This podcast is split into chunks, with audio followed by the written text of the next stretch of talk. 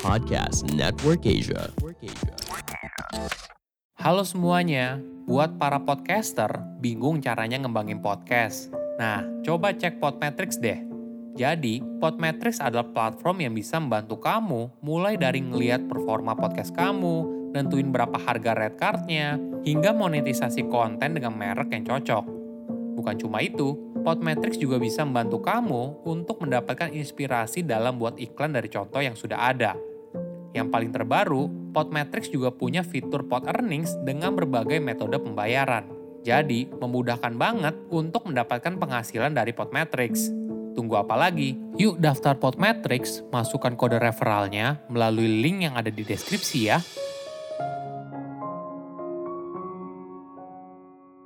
Era digital membuat siapa pun bisa jadi miliarder, termasuk anak berusia 12 tahun. Halo semuanya, nama saya Michael. Selamat datang di podcast saya, Sikutu Buku. Kali ini saya akan bahas fenomena NFT atau merupakan kepanjangan dari non-fungible tokens. Pada akhir Agustus 2021 lalu, seorang anak berusia 12 tahun dari Inggris bernama Benjamin Ahmed mendapatkan 400 ribu dolar atau setara dengan 5,6 miliar rupiah atas penjualan NFT. Sebelum kita mulai, buat kalian yang mau support podcast ini agar terus berkarya, caranya gampang banget. Kalian cukup klik follow. Dukungan kalian membantu banget supaya kita bisa rutin posting dan bersama-sama belajar di podcast ini.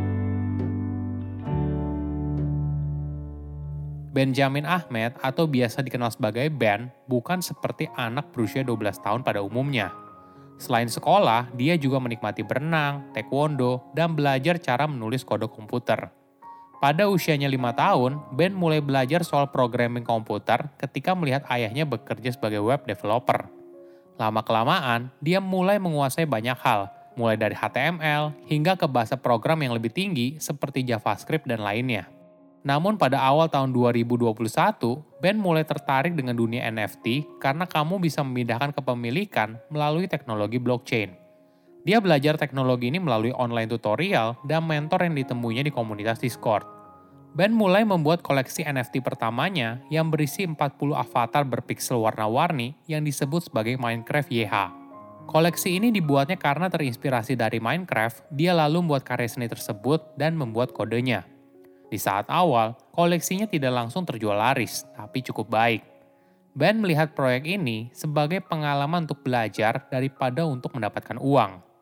Pada bulan Juni 2021, dia mulai membuat kode untuk koleksi NFT terbarunya yang diberi nama Weird Wells.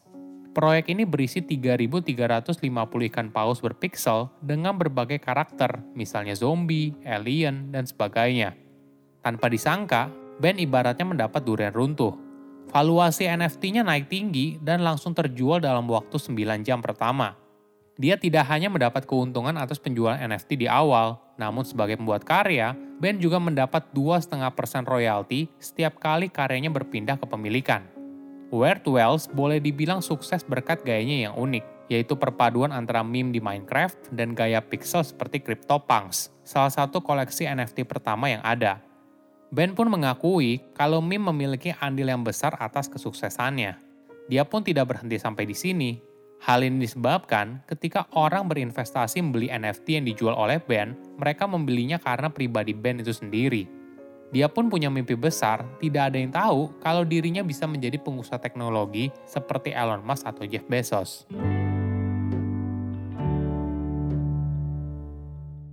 Buat kamu yang penasaran, NFT adalah sebuah teknologi kripto semacam sertifikat digital yang menyatakan kepemilikan atas sebuah barang digital.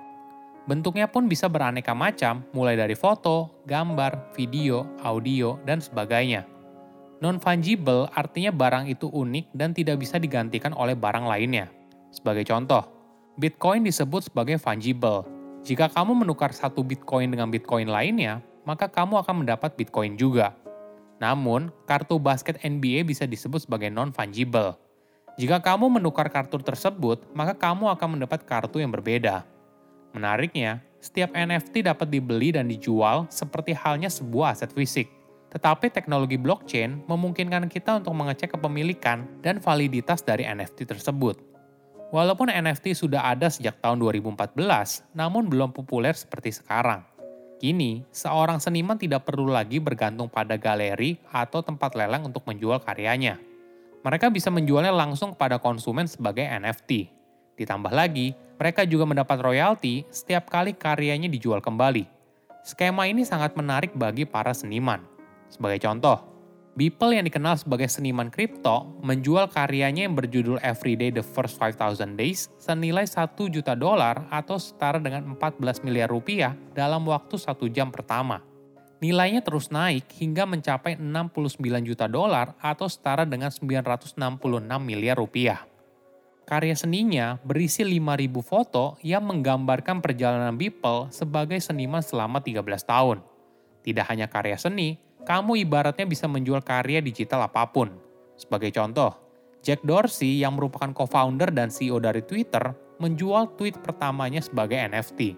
Tweet ini berisi tulisan Just Setting Up My Twitter pada tahun 2006. Tweet tersebut berhasil terjual 2,9 juta dolar atau setara dengan 40,6 miliar rupiah.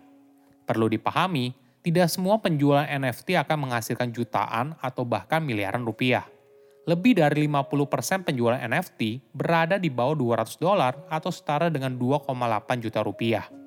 Mungkin kamu penasaran, kenapa orang rela membeli sebuah karya seni digital semahal itu, padahal bisa dinikmati orang lain secara gratis? Tentu saja, hal ini berkat teknologi yang mampu menjelaskan kepemilikan dari karya tersebut. Walaupun dikopi berkali-kali, kepemilikan atas hasil karya tersebut tidak akan hilang. Contohnya begini, Lukisan Mona Lisa terkenal karena dilukis oleh Leonardo da Vinci.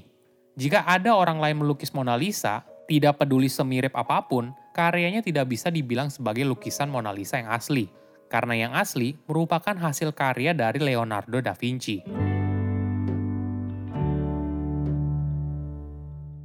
Nah, bagaimana cara beli NFT? Pertama, kamu harus punya digital wallet untuk menyimpan NFT atau mata uang kripto. Jika sudah, maka kamu perlu membeli mata uang kripto seperti Ether sebagai alat pembayarannya.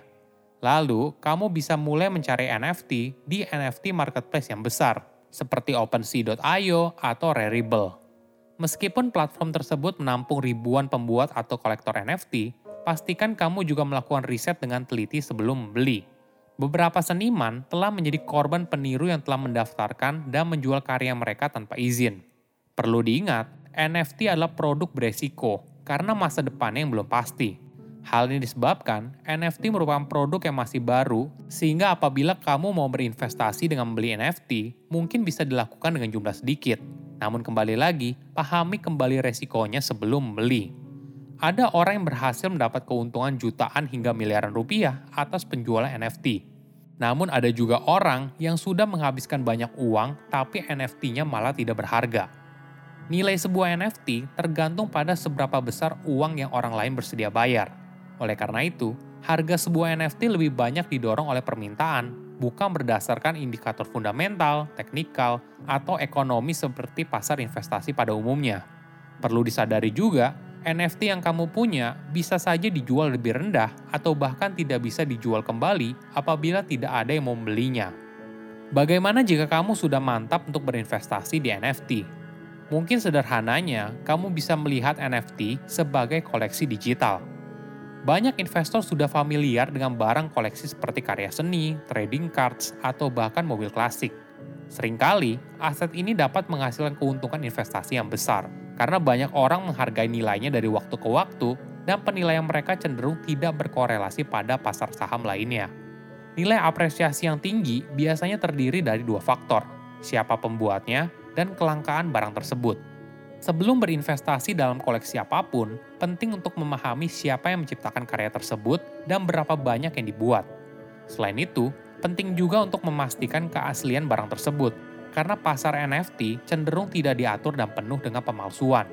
Namun sekali lagi, pasar koleksi barang antik atau langka, entah itu digital atau bukan, nilainya sangat spekulatif.